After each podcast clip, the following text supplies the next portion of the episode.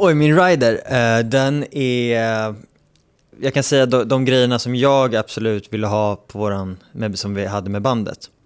Det var rödvin, eh, Red Bull, eh, handdukar, eh, extra kalsonger, extra strumpor, eh, en hårborste, vax.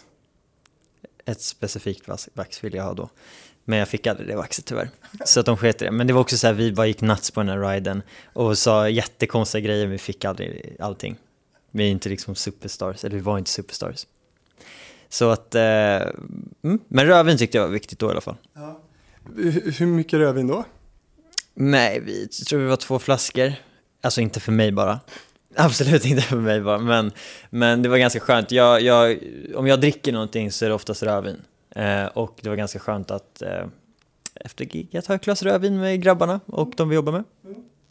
Men, men kalsonger, alltså inte så specificerat utan bara vilka som helst? Eller? Ja, eller det är så här, då hade vi så svarta hm kalsonger typ. Eh, mest för att det är ganska skönt, för vi var ganska dåliga på att packa. Byta kalsonger? Ja men, ja men typ, fast mer typ så här att packa i extra grejer när vi var ute. Så då ville vi ha sådana extra grejer som alltid fanns på plats så att vi kunde duscha när vi hade glömt. Ja, och så. Jag har faktiskt aldrig hört det på en rider, kalsonger, men det är ju skitroligt. Exakt, ja men fan, det, är, det är bra liksom, det är smart. Mm. Men eh, som soloartist om du ska ut och gigga, vad, vad, är viktigt för dig då att det, att det finns? Liksom? Schampo och balsam skulle jag absolut lägga till nu för att det hade vi inte då. Och det känns lite meningslöst att duscha då. Jag, dusch, jag är så här, jag duschar alldeles för mycket. Och, typ varje dag liksom, nästan, ibland två gånger per dag. Det ska man inte göra. Jag vet, och nej, jag vet. Alla säger det åt mig, men jag gör det ändå. Eh, så schampo balsam skulle jag säga. För du har alltid haft långt hår väl? Ja, precis. Balsam måste ju vara jätteviktigt. Det är jätteviktigt, jätteviktigt. Eh, men eh, det blir så om man använder för mycket schampo hela tiden, tvättar, då blir det ju fettigt. Och när man väl hamnar i den, i den cirkeln så måste man duscha hela tiden för att få bort det. Oh, det, är, det är ett problem jag har i livet. Men eh, jag skulle säga nu schampo balsam, jag skulle nog säga rödvin igen. Kanske en iPhone-laddare, typ. Den kan vara bra. De går ju både sönder om man tappar bort dem. Precis. Skönt att slippa ta med sin egna. Så. Fan, Hitfabriken är igång! Gäst den här veckan, Oskar Enestad.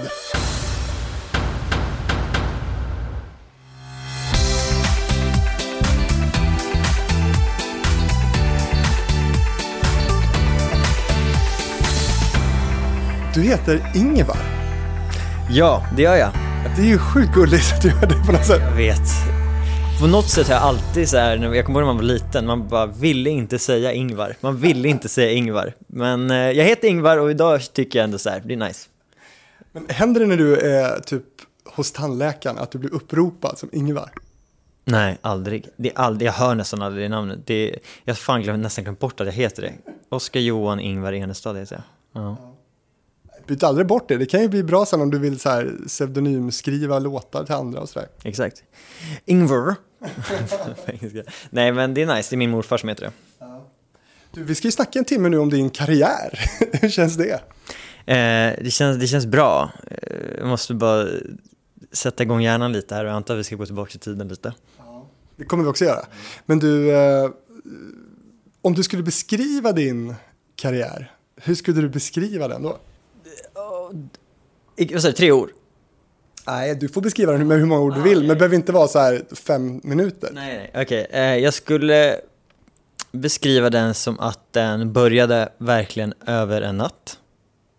Eh, har gått i rasande fart. Eh, spikrakt uppåt. Sen så har det gått som en berg och dalbana på toppen, upp, ner, upp, ner. Och sen så har den gått eh, lite både och liksom. Eh, men den har varit väldigt lärorik framför allt. Den har varit utmanande eh, och rolig. Jag tror att det är någonting som jag alltid har tyckt, att det har varit så jävla kul att jobba liksom. Eh, men, men väldigt utmanande. På vilket sätt? Nej men alltså det blir som, alltså när, när vi började så kastades man in i liksom en, ett helt nytt liv. Alltså det var en, eh, en sån omställning liksom. Eh, och sen att klara, så här, vi gick ju, eller jag gick ju fortfarande i skolan då liksom och kämpade med det, började på gymnasiet. Satt och turnerade i USA när vi gick på gymnasiet och jag gick ekonomilinje liksom och, och, och behövde skriva tentor och online och sånt. Och satt så här. Så att det gällde att ha väldigt mycket disciplin liksom och och, och liksom göra saker istället för att latcha med de andra i bussen liksom. Så det har varit men, så här, utmanande på sådana sätt liksom. Eh, men det var asnice. Det har det varit. Det har hänt väldigt mycket på kort tid och när du har varit väldigt ung. Idag då när du är 22. Mm. Eh, känner du dig gammal? Nej, jag gör ju inte det. Vilket jag, eller så här, jag, jag tänkte på min ålder för någon dag sedan, jag bara fan jag är 22. Men känner mig verkligen inte som 22. Utan mental ålder? Ja, det, det är det här som är grejen. Alltså jag känner mig både mycket äldre, men jag känner mig också väldigt mycket yngre. Ja. Det är jävligt flummigt ja. alltså, det är diffust, men jag vet inte. Det är så här, för, då, för några dagar sedan så att jag tänkte så här, fan jag är 22? Nej, jag måste vara yngre. Men ibland tänker jag så här, liksom att nej, fan jag måste vara äldre. Ja. Fast jag är 22, kört. Men... Eh, Men uh, i de stunderna du känner dig gammal, hur gammal är du då? Eh, säg 50 då. Oj. 50? Mm, det skulle jag säga. Ja. Jag tror jag har en gammal själ. Ja. Tror jag. Hur märks det? Jag vet inte. Det är bara en känsla och jag... Och jag eh, alltså jag aldrig exempelvis, jag har aldrig hängt med människor i min egen ålder. Aldrig liksom, jag vet inte, man har bara klickat med äldre människor och speciellt man jobbar med och liksom eh, och hänger på fritiden med. Men jag har aldrig liksom så här känt att jag haft så mycket gemensamt med folk i min egen ålder. Nej. Det är väl för att du har gjort helt andra grejer antar jag? Jag antar det. Eh, det, det, tror jag, jag tror mycket ligger till, till grund till det liksom. Alltså med hela våran, eller min karriärstart där med, med gruppen och bandet. Ehm, så här, vi blev ju satta på prov på ett sätt som egentligen inte många har blivit liksom när det kommer till att vara tonåring. Vi hade ju inget tonårsliv på det sättet. Det var så här, man, man när vi var i USA liksom, vi, man bara så här, fan alla våra kompisar, eller typ så här klasskompisarna var ute och på fester och man satt där och jobbade liksom i USA och så här. Det var för sig kul men man var så här, jag vill också liksom. Ja, du har gjort lite andra grejer. Alltså, I april 2013 då stod ju du och kollegorna i Faunodo som förband till Justin Biebers konserter i Globen i Stockholm. Det ska vi återkomma till, men, men vad hade föregått allt det där? Alltså, vad hände innan det? Innan FO? Mm. Eh, då gick jag på, säg att alltid haft ett intresse för musik. Mm. Alltid, men jag hade typ inte så mycket tanke på att bli, som jag inte gillar att säga det, artist. Jag använder nästan aldrig det ordet. Utan du kallar dig själv för? Ja, jag vet inte, jag jobbar med musik, brukar jag säga. Eller typ musiker, jag vet inte, jag tycker artist är så jävla laddat ord och bara, åh. Men, är du inte artist? Jo, det är jag ju, men jag, men jag, jag gillar inte det ordet. Jag vet inte varför. Det, bara, det, det känns laddat liksom, det känns som att, äh, så här, Nej, alltså när jag hör ordet artist, om någon kommer så här, och vad jobbar du som? Nej, jag är artist. Alltså då vill jag eh, spy. Alltså jag vill säga, ja men tyst. Ja oh, gud vad ska jag säga? Ja, men du kanske föredrar den engelska eh, meningen av artist, liksom som en konstnär. Exakt, en konstnär. Då, då för mig är det en annan grej. Men eh, alltid haft intresse för musik. Ha, men, men jag hade inte så mycket tanke på att då bli musiker. Eh, jag var mer inne på att jobba som, eller liksom hålla på med musikal och teater och sånt. Eh, gick på Base 23 och Lasse Kühlers. Eh, dansade sex dagar i veckan eh, på fritiden eh, i så här hardcore skolad eh, danslinje där vi dansade liksom street, jazz, ballett, step, pardans allt, alltså skolade liksom från grunden och, och så. Eh, det har jag gjort i princip sedan jag var typ sex år. Eh, och i och med det sen så kom jag in på, på sången. Och sen så började jag då på musikallinje och eh, gjorde lite musikaler och sånt. Vilka då? Eh, jag gjorde två musikaler, men det, jag tror inte, en var på, på vet det, Maximteatern där jag spelade Prinsen i Askungen. Mm. Sen så gjorde jag en där jag spelade Simba i Lejonkungen. Mm. Och då, där var jag mitt esse på mus liksom, det, då, jag kände verkligen så här, det här ska jag göra. Eh, har, har, du tappat en musikal-Oscar eller kan han liksom blomma ut ibland? Alltså jag är sucker för musikaler, jag älskar musikaler. Varje gång jag typ är i New York eller liksom i London så vill jag alltid gå och se, för de är på en helt annan nivå tycker jag när det kommer till musikaler. Men, eh, så att jag dör ju för den grejen liksom. Men eh, jag skulle nog inte kunna tänka mig att göra det idag, igen. Det tror jag inte. Favoritmusikaler måste jag ju fråga då. Ja, alltså Lejonkungen från Broadway är ett, en av de vackraste grejerna jag sett i hela mitt liv. Och sen så Harry Potter i London, The Cursed Child, är det sjukaste jag sett i hela mitt liv.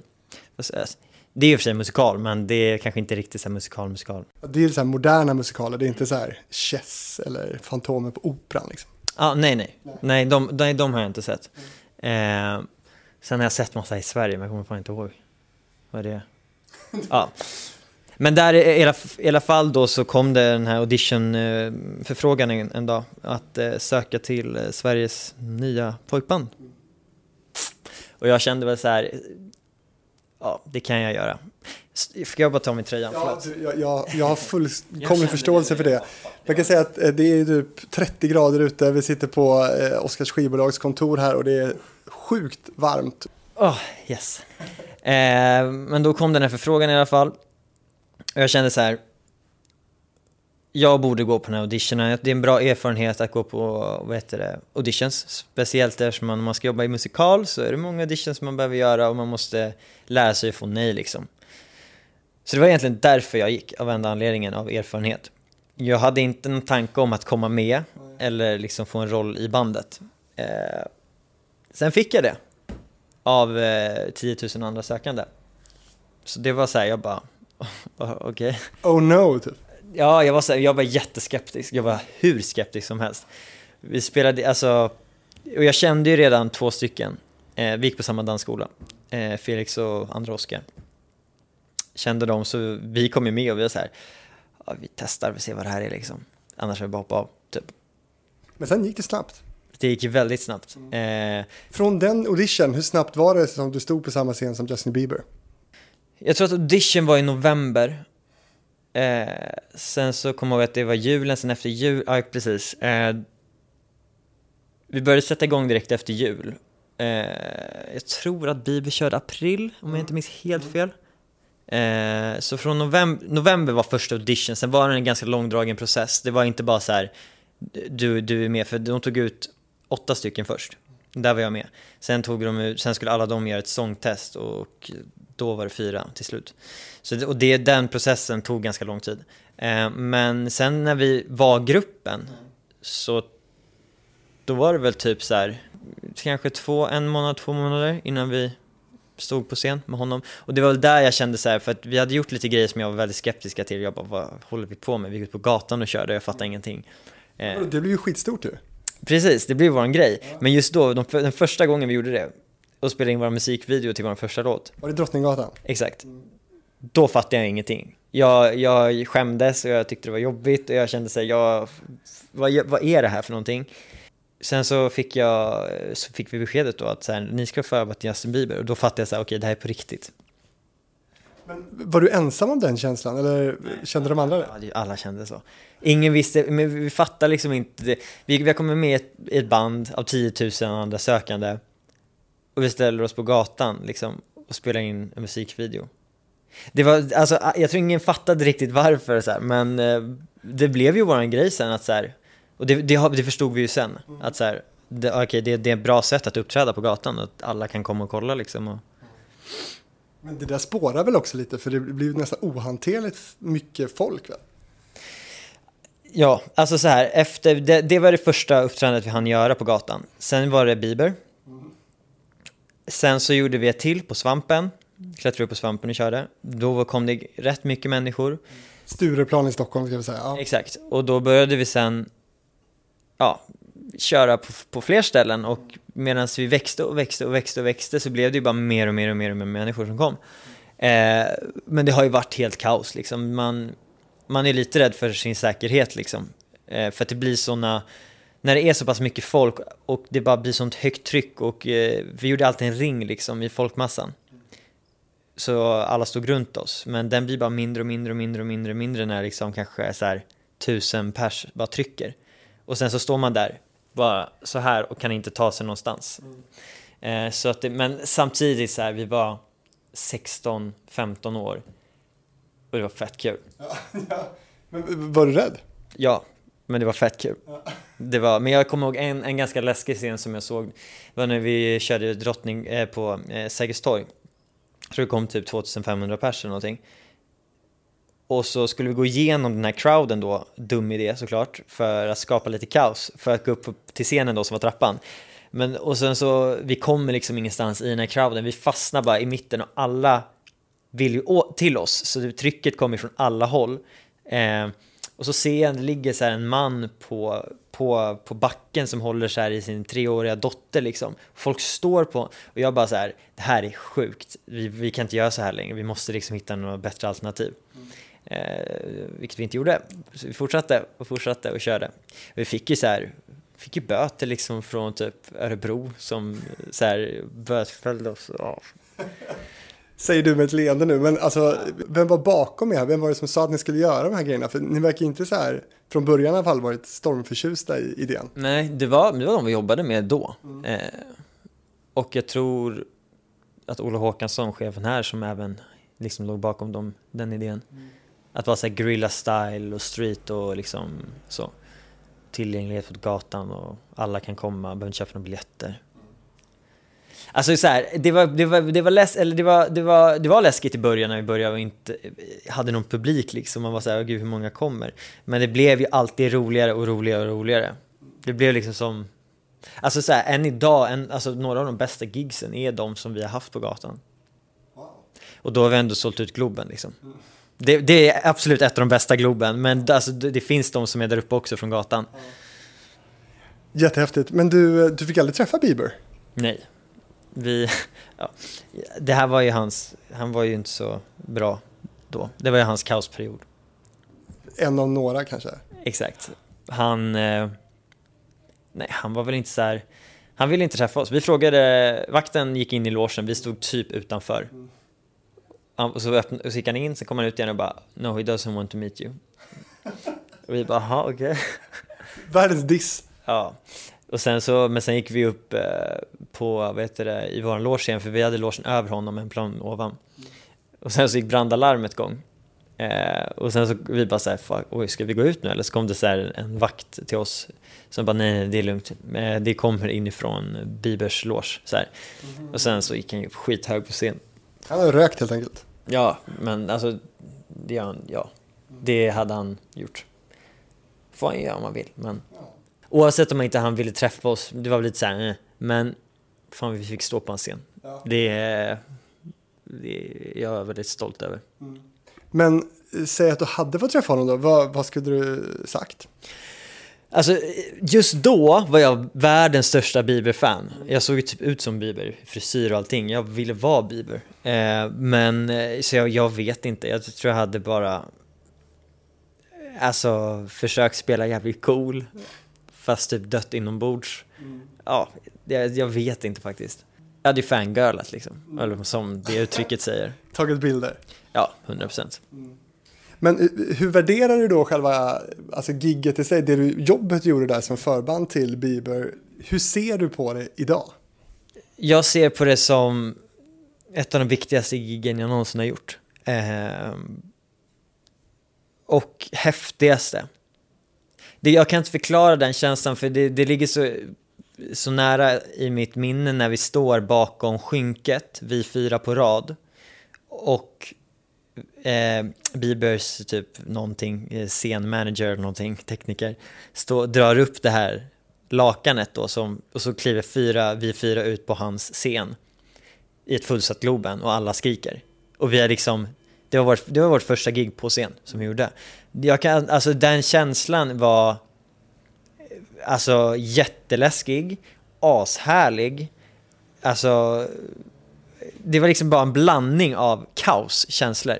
Eh, och det kändes som man var i någon typ av så här vad fan säger man? Hamnar i någon annan liksom, eh, vad, fan, vad heter det? Trans. Trans. Jag, jag var dessutom, jag hade 40 graders feber så jag gick på antibiotika under den tiden. Också så jättepassande men eh, Alltså en annan, om, om jag skulle ha 40 graders feber då skulle jag ligga hemma och bara men, vara död. Men, men det, så här, jag hade ju vad som helst, alltså, det hade, ingenting hade kunnat stoppat mig då. För att det, det går liksom inte. Eh, men jag var riktigt dålig. Eh, och eh, jag tror, jag, den jag kommer ihåg, att vi kör gigget, vi är fortfarande väldigt nya, vi känner inte varandra så här jättebra i liksom grupp, alltså i gruppen, jag känner ju dem, men ändå så här musikmässigt och hur vi är med varandra. Vi har aldrig uppträtt tillsammans tidigare så, förutom gatan, men eh, allt var väldigt nytt och man var i en trans. Jag kommer inte ihåg någonting nu under gigget. Jag kommer bara ihåg när vi går ut eh, på scen och sen är det svart typ. Sen, kommer vi till, utan, sen går vi tillbaks eh, av scen och lägger oss på marken och bara typ skakar och andas och det var eh, för vi dansade så mycket och det var så mycket energi, vi fick så mycket energi och vi var helt slut. Det, men det är ett av de finaste minnena jag har och häftigaste ska jag säga. Var det någon slags avstamp där för vad det skulle bli sen? Ja, där, det var efter det det började. Våra följare på Instagram gick ju rasande upp bara efter liksom, den natten. Men sjukt, alltså bara några månader efter audition så står ni där. Alltså, var ni redo för den scenen? Alltså, nej, det vet jag inte. Vi, alltså så här, vi fixade det ju och vi gjorde det bra, sen kanske inte vi sjöng så här 100% live. Vi kanske hade lite backup på track och så, men eh, ja, vi gjorde det och det gick ju som det gick och här är vi liksom idag och vad vi har uppnått, så att det, det var vi väl ändå, men ja, vi hade absolut kunnat gjort ett bättre framträdande kan man säga. Men har du sett det i efterhand? Ja, vi har garvat mycket åt det. Det händer roliga grejer.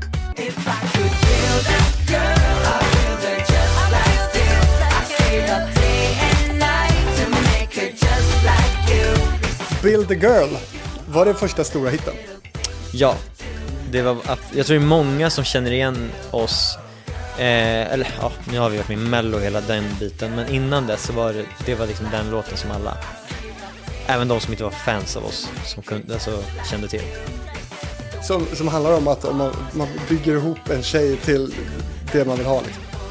Ja, vilket också är lite så här konstigt. Det är, If I could build a girl, I'd build just like you. I stay up day and night to make her just like you. It's just the way you are. The little things you do.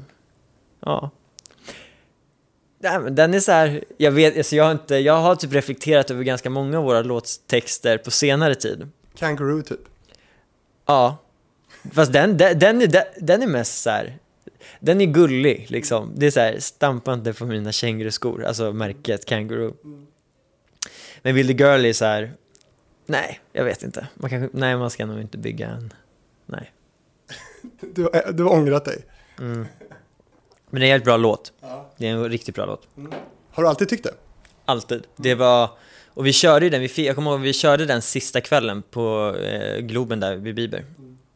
Jag körde vi den. Ehm, och eh, det var där sen alla liksom ville ha den och requestade den. Vi körde ju några, vi hade ju bara släppt en låt, eh, det var Kangaroos. Och sen så körde vi tre, låt, tre låtar totalt, sen så körde vi Billy Girl med fyra sista natten. Och den blev ju stor favorit. Men kunde ni ändå inse där då på något sätt när ni ser, för ni måste ju varit medvetna om liksom att, att, att här står eh, Globen och det här är ju ashäftigt och Instagram-följare liksom bara ökar och rusar i taket liksom. Förstod ni då vad det skulle ta er? Liksom? Nej, det gjorde vi inte. Tror jag, det tror jag inte. Jag tror vi bara liksom var med i vågen på något sätt och bara tänkte i stunden. Kunde du vara närvarande där då liksom? Absolut, det kunde jag. Eh, det blev ju liksom så här, ja, jag vet inte, det var, det var en speciell tid alltså. Det var en väldigt speciell tid. Man sattes på prov kan jag säga. Men det som är kul nu då det är ju att det är så mycket som finns sparat och bevarat och YouTube och liksom sådär. Det går ju att titta tillbaka på. Ja, och det, det tycker jag är jättefint. Och så blir så här, någon dag kanske jag får visa, eller om jag får barn, kanske jag kan visa, eller kommer jag kunna visa dem liksom allt jag gjorde liksom och, och så här, ja det här var jag då liksom. Eh, det, det är ashäftigt liksom att det finns sparat allt material. Ehm, sen finns det så mycket mer material som inte finns ute, alltså så här, typ när vi giggar och så här, det är kaos och så. Så någon dag ska jag få tag på dem också. För året efter Bieber då, 2014 är vi då, då åkte ni till USA, för då hade ni även fått ett skivkontrakt med Sony Music i USA. Det låter ju lite maxat. Det kommer jag ihåg dock, vi tyckte var asfett. Det var, men det var inte heller en milstolpe, det var mer så här att, oh jävlar, de vill jobba med oss. Det, men det, jag kommer ihåg det också, vi satt på en restaurang och, och skivbolaget här överraskade oss liksom och kom in så här och bara, ni ska till USA, ni, vi, har, vi har fått ett skivkontrakt här. Och vi bara, oh my god. Så. Ehm, Och skivbolaget bara såg dollartecken. Exakt, nej. Men det var så här, eh, det var, det var, det var skitkul och eh, det var vår första ja, USA-tripp där, just det. Åkte runt och spelade in massa grejer, videos.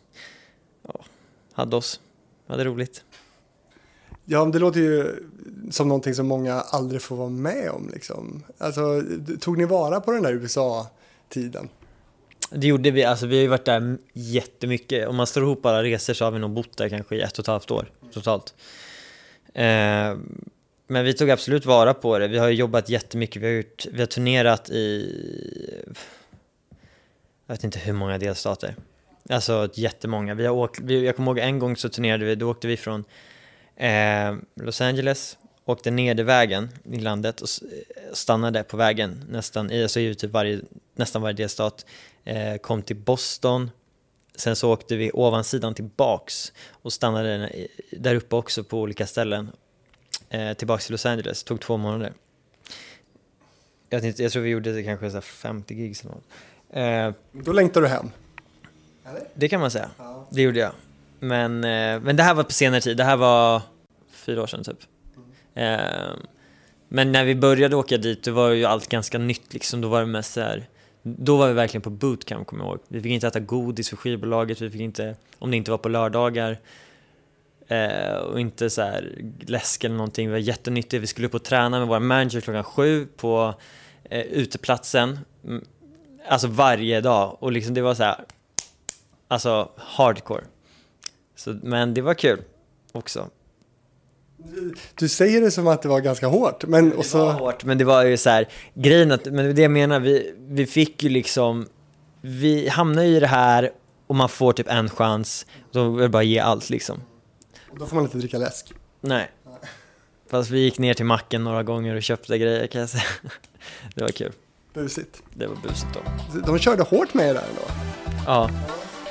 Det, ja, det gjorde de.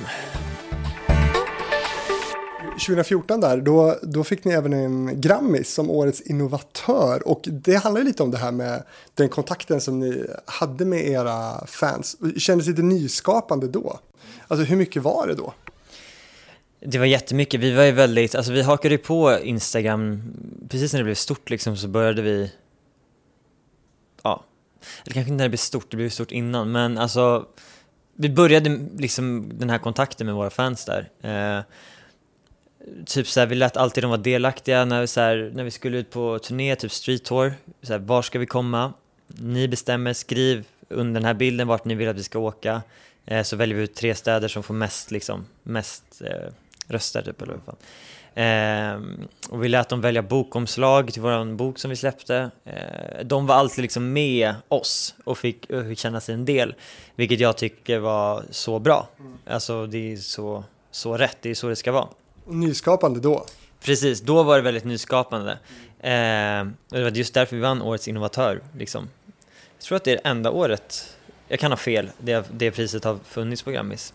Men du berättade för mig tidigare att nu är du inte så himla förtjust i Instagram. Nej, då var jag verkligen det och det var ju Instagram och var, det var ju fan allt nästan. Eh, men jag vet inte, jag har väl något sätt så här, så här, jag lägger upp bilder men jag känner inte att jag har samma urge till att göra det idag som då. Då kunde jag liksom så här gå i mitt huvud och planera vilken bild jag skulle ta imorgon för att kunna uppdatera och visa så här. jag har inte samma behov idag. Jag, eh, jag håller mig helst borta från sociala medier. Eh, om jag inte ska liksom när det kommer till mitt jobb och liksom, och liksom ha kontakt med mina, eller de som lyssnar på mig och så. Då tycker jag det är fantastiskt men att så här hålla på och dokumentera allt jag gör, jag har inte jättestort behov av det. Jag vet att andra har det och det är jätteintressant för vissa att följa sånt. Kanske borde göra det mer, I don't know. Eh, men ja, jag, jag borde bli lite bättre på det än vad jag är. Hur många Instagram-konton har du?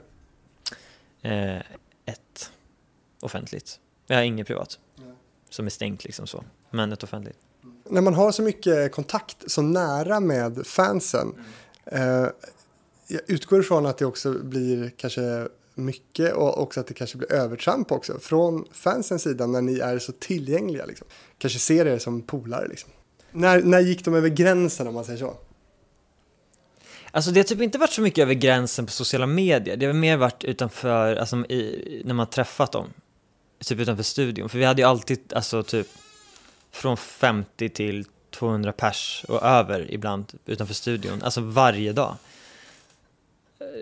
Helt, helt galet, det var, vilket är jättekul så, men men, och där, så här, det är oftast många som man känner igen och det var många som, och där var det vissa övertramp ibland liksom, typ så här. Och så här, man är ju inte alltid på humör liksom. Det är man ju inte, även om man är liksom artist då. då och eh, har spenderat en hel dag i studion och är skittrött och bara vill åka hem liksom. Så det är, jätte, det är jättekul att komma ut och få energi av människor och så här, men ibland så blir det vissa övertramp så här, för de, de bör, lär, ju känna, lärde ju känna oss som polare också, eftersom man träffar ju dem så himla mycket. Eller några av dem. Eh, men det kunde vara så här, jag kommer ihåg en gång typ så här, Felix gick, eller vi gick ut och så var det någon, någon tjej som bara så här, typ tog hans keps liksom. Och bara satte på sig den för att hon tyckte att det var okej, för att de har ju träffats så mycket. Och så springer det iväg och han bara så här, alltså, och, och han bara lackar liksom, och bara ge tillbaks min keps nu. Det är väl typ sådana övertramp som det har varit mest liksom så här att veta hur man, vart man har relationen någonstans. Men sånt där får man ju lära sig liksom, alltså. Sen är det många gånger det har skett sådana grejer och man, man bara ja vad roligt liksom, det, alltså bryr sig inte. Ehm, men det handlar väl lite om modet man är på den dagen, skulle jag säga.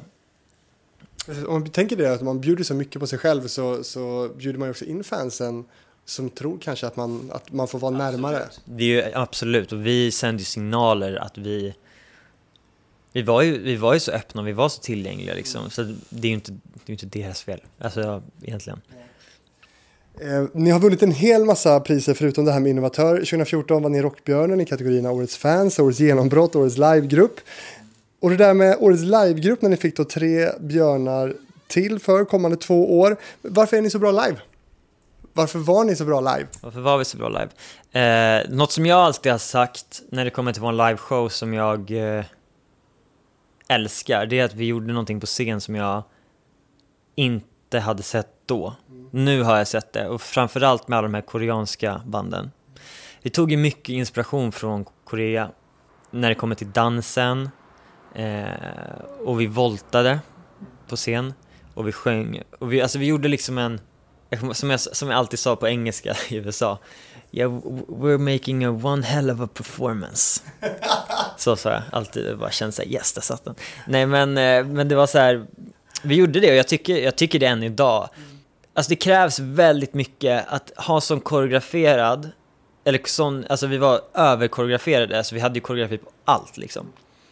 Vi fick ju så lägga in så här, fan här kan inte vi dansa för att det går inte, vi kommer dö liksom. Det blir för jobbigt. Och sen så då dansar vi och sen så vänder vi oss mot varandra och slänger varandra i volter samtidigt som vi hoppar tillbaka och sjunger liksom.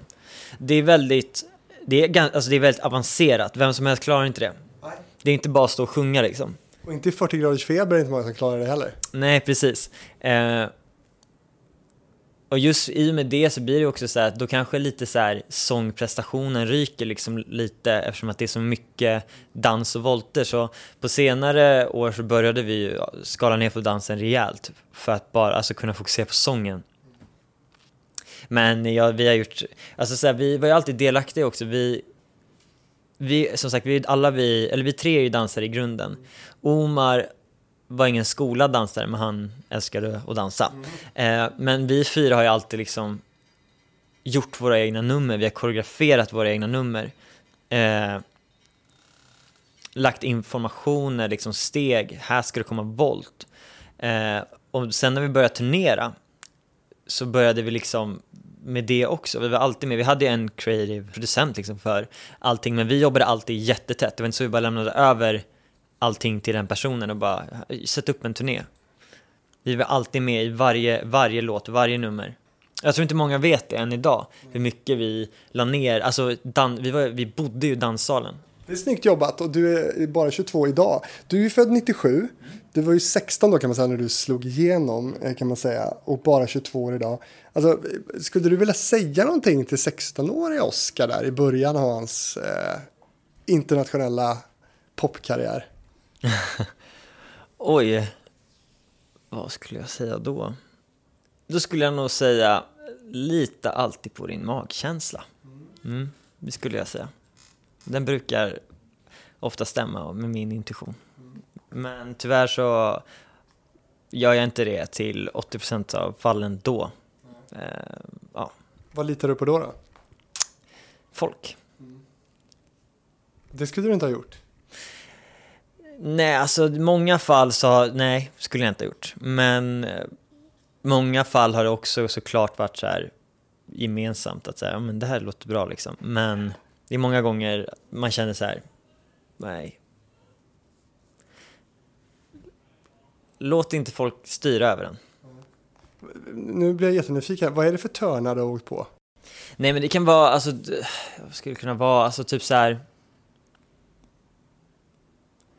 För det fattar ju alla att, att, att allt kan inte ha gått bara spikrak. Liksom. Nej, nej, det är klart det har varit upp och nedgångar liksom och, och så, men det men det kan vara så här, alltså små, om, vi, om, vi, om vi, struntar i de stora grejerna och pratar om typ så små vardagliga grejer så är det så här att, Eh, ja men typ, om jag vill ha på mig det här så ska jag ha på mig de här kläderna. Och inte ha på mig någonting som någon annan vill. Eh, som jag känner mig obekväm i, som sen resulterar i att jag inte, jag själv tycker att jag presterar bra på scen beroende på typ det jag har på mig. Eh, som gör mig obekväm. Eller typ så här, jag kan inte skriva på det här sättet. Fast jag har, när någon annan vill att jag ska skriva på det här sättet som jag aldrig hade skrivit på. Eh, det är mest sånt, små grejer.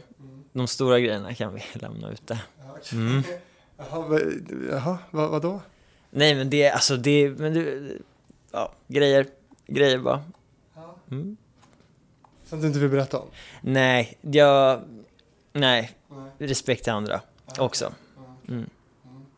Ja, intressant. Det kommer väl i din biografi. Exakt, exakt. Spara lite dit också. Men du, eh, om jag då får se hur jag upplever dig så här. Eh, du känns ju väldigt mogen. Du har pratat om att du mest har hängt med äldre personer och sådär. Eh, hade du också den rollen i bandet? Alltså, var, var du pappa? Nej, det var jag inte. Eh, det skulle jag nog säga att Ogge var i sådana fall. Jag vet inte vad jag var för roll i bandet. Gud, jag var han med, med långt hår typ. Alltså han med långt blont hår som var, var mystisk, typ. Ja, men det här sa du i intervjun jag gjorde, gjort med dig tidigare, att du är mystisk. Jag, jag, jag vet inte riktigt varför. Jag tror att jag är kanske lite... Nej, alltså jag, jag, jag vet inte. Det är det som är grejen. V- vad är det för mystiskt med dig, tänker man ju. Liksom. Precis. Det är ju mystiskt. Och det är ett mysterium. Och det vet inte ens du. Nej, jag kan känna av det, men jag vet inte riktigt varför, vad det är konkret. Det är jävligt oklart. Jag är lite så här, jag pratar utifrån, försöker tolka mina känslor. Det går inte jättebra ibland. Känner du dig annorlunda eller? Ja, det gör jag nog. Men jag vet inte hur. Men Jag kan inte heller, alltså nej, jag vet inte fan. Alltså det här, det är så, det är så abstrakt. Ja, Men Visst är det kul med abstrakt? det är jättekul, men det är, det är så jävla svårt att sätta ord på det. Du, eh, måste bara fråga också, dina föräldrar, alltså eh, hur mycket med dig fysiskt var de när allt det här började liksom? Eh, mycket. Alla våra föräldrar var väldigt delaktiga i allting eftersom vi var minderåriga och liksom det var ju så här, de var alltid med, våra föräldrar. Alltså inte på jobb och sånt, eller de kommer kolla när vi giggar men så på möten och oftast och så här. Nej men det var, de var med mycket, alltså så support. Men vad hade dina föräldrar för roll för dig liksom, i början av din karriär? Ja. Det finns olika föräldrar. Det finns så här hönsföräldrar som är så här jätteoroliga för allt och så finns det de som är typ jättesupport. Det finns föräldrar som inte bryr sig. Typ. Nej, det är, nog, det är nog en blandning på höns och supportive skulle jag säga. Ehm, ja, det skulle jag säga.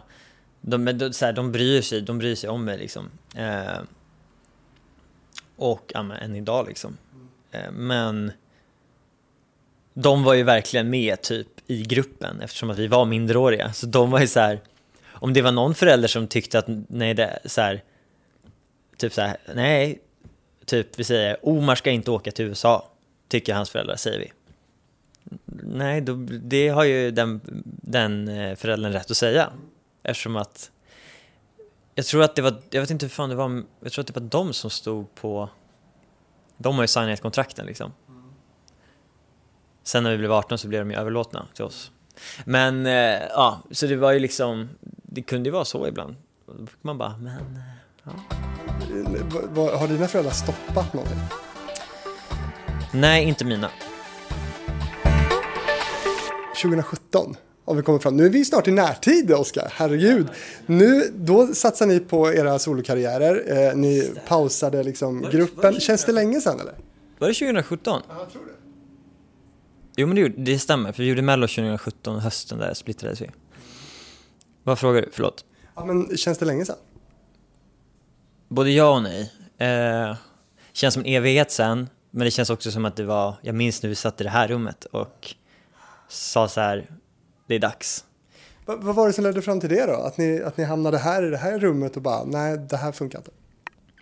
Nej, men alltså, så här, vi har gjort det väldigt många år och jobbat liksom väldigt intensivt, alltså hela tiden eh, med varandra och haft skitkul, alltså vi har haft så jävla kul och än idag är vi bästa vänner liksom.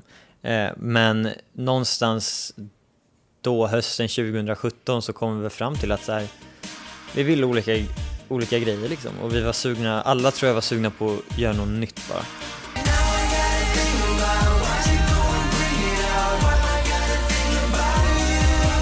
2017 som du sa så var ni med i Melodifestivalen då. Eh, var, det, var det en självklar grej?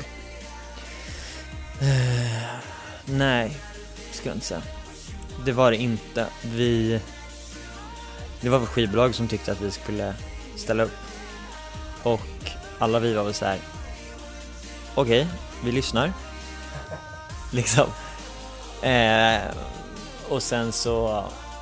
Sen så gjorde vi det och det var, det var fett. Det var faktiskt jävligt kul. Det är en folkfest liksom.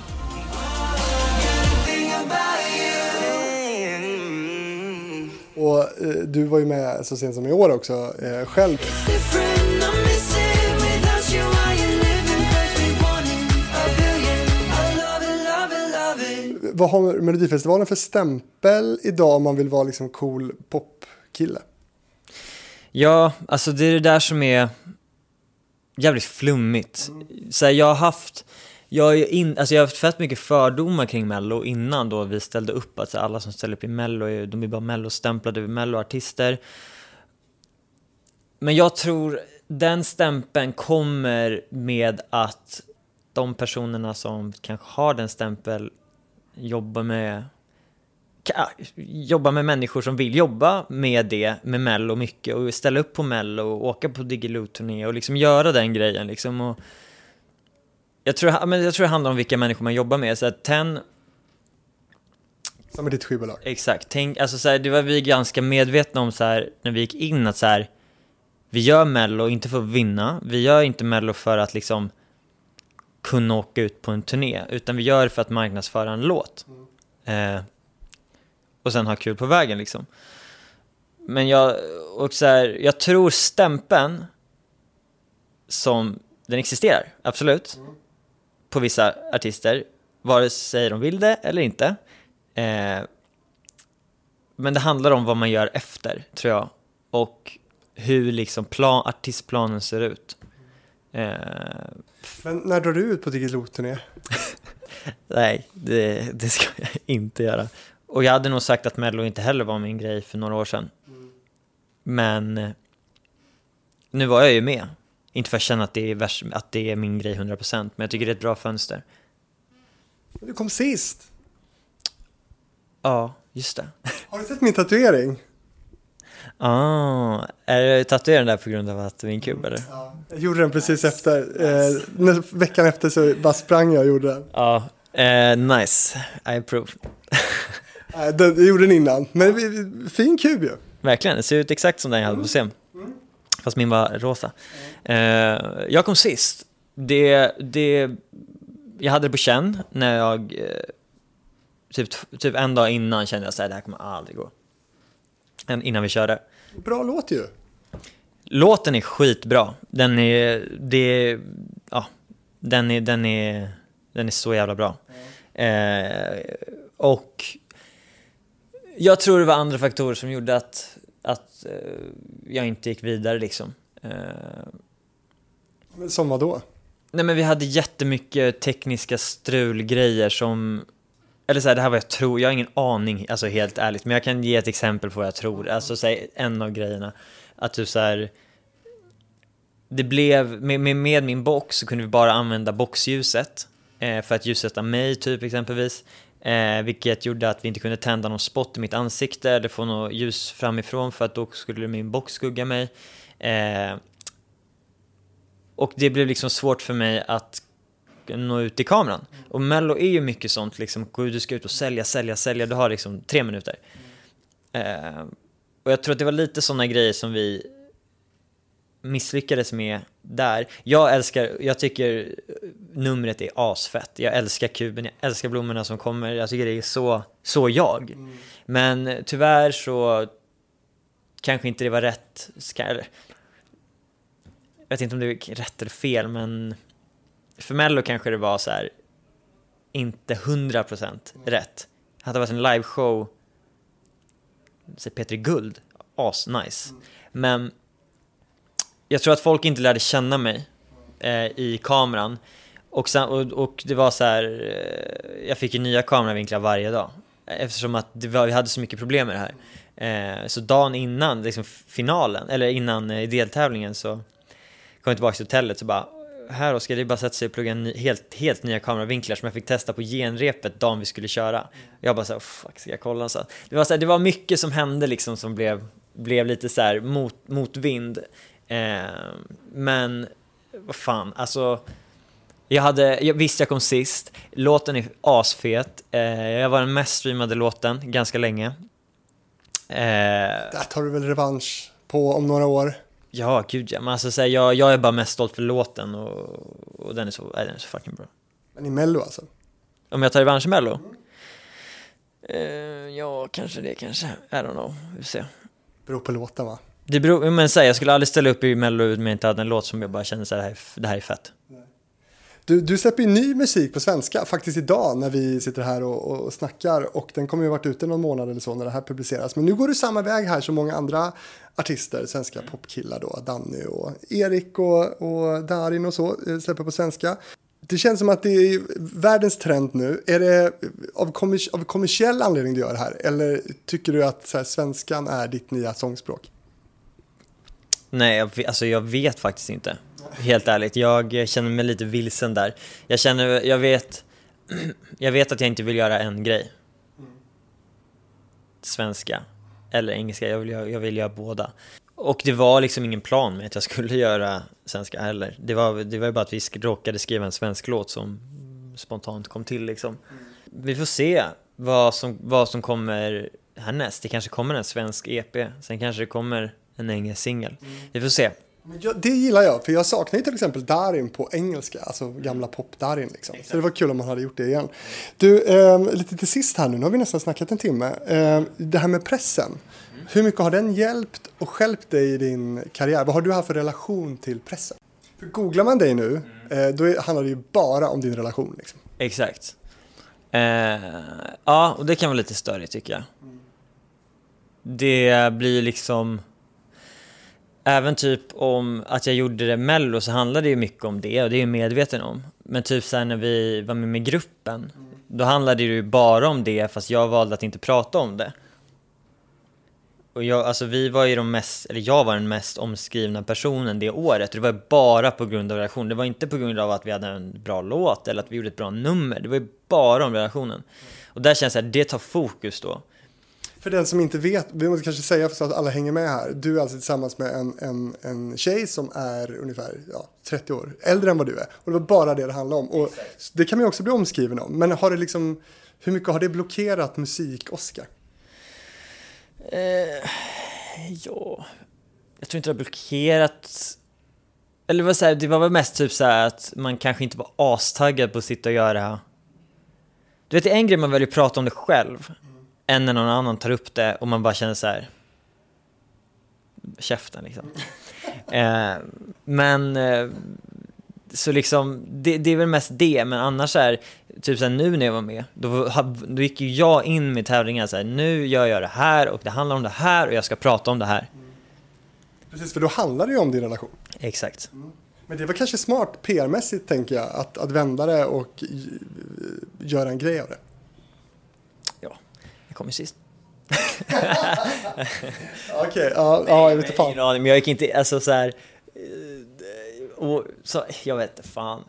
Jag vet inte. Det var inte så att jag gick in och bara, jag ska använda det som en PR-strategi för att vinna. Det var inte liksom det det handlade om för mig. Men, eh, ja. Du, eh, vad är det sjukaste du har fått uppleva i din karriär på grund av musiken? Fan vad svårt alltså, helvete. Eh, så här, den sjukaste grejen som jag no- alltid kommer ha med mig, minnas till graven i detalj, det är när vi sålde ut Globen. Det är en av de sjukaste upplevelserna jag har varit med om. Sen finns det ju definition på sjuk, det finns sjuka grejer som fans har gjort. Alltså förstår du? Men eh, proud moment som är sjukt, det är Globen.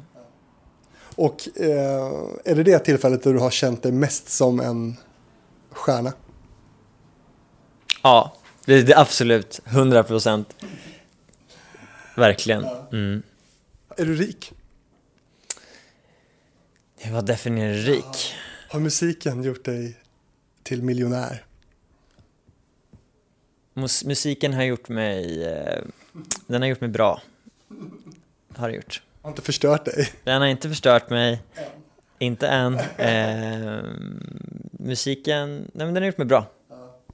Oscar E Music Corporation, är det ett bolag som kommer att växa närmsta åren? Eh, det vet jag inte, det får vi se. Jag... Eh, det blir lite så här att man, när man just börjat om på solo så blir det lite ny kula liksom. Eh, vi får se. Det får vi hoppas. Det är alltid kul med pengar men det är ändå så här, det är inte den värsta grejen. Vad ligger närmast nu för dig framöver? Eh, jag har lite planer. Jag har...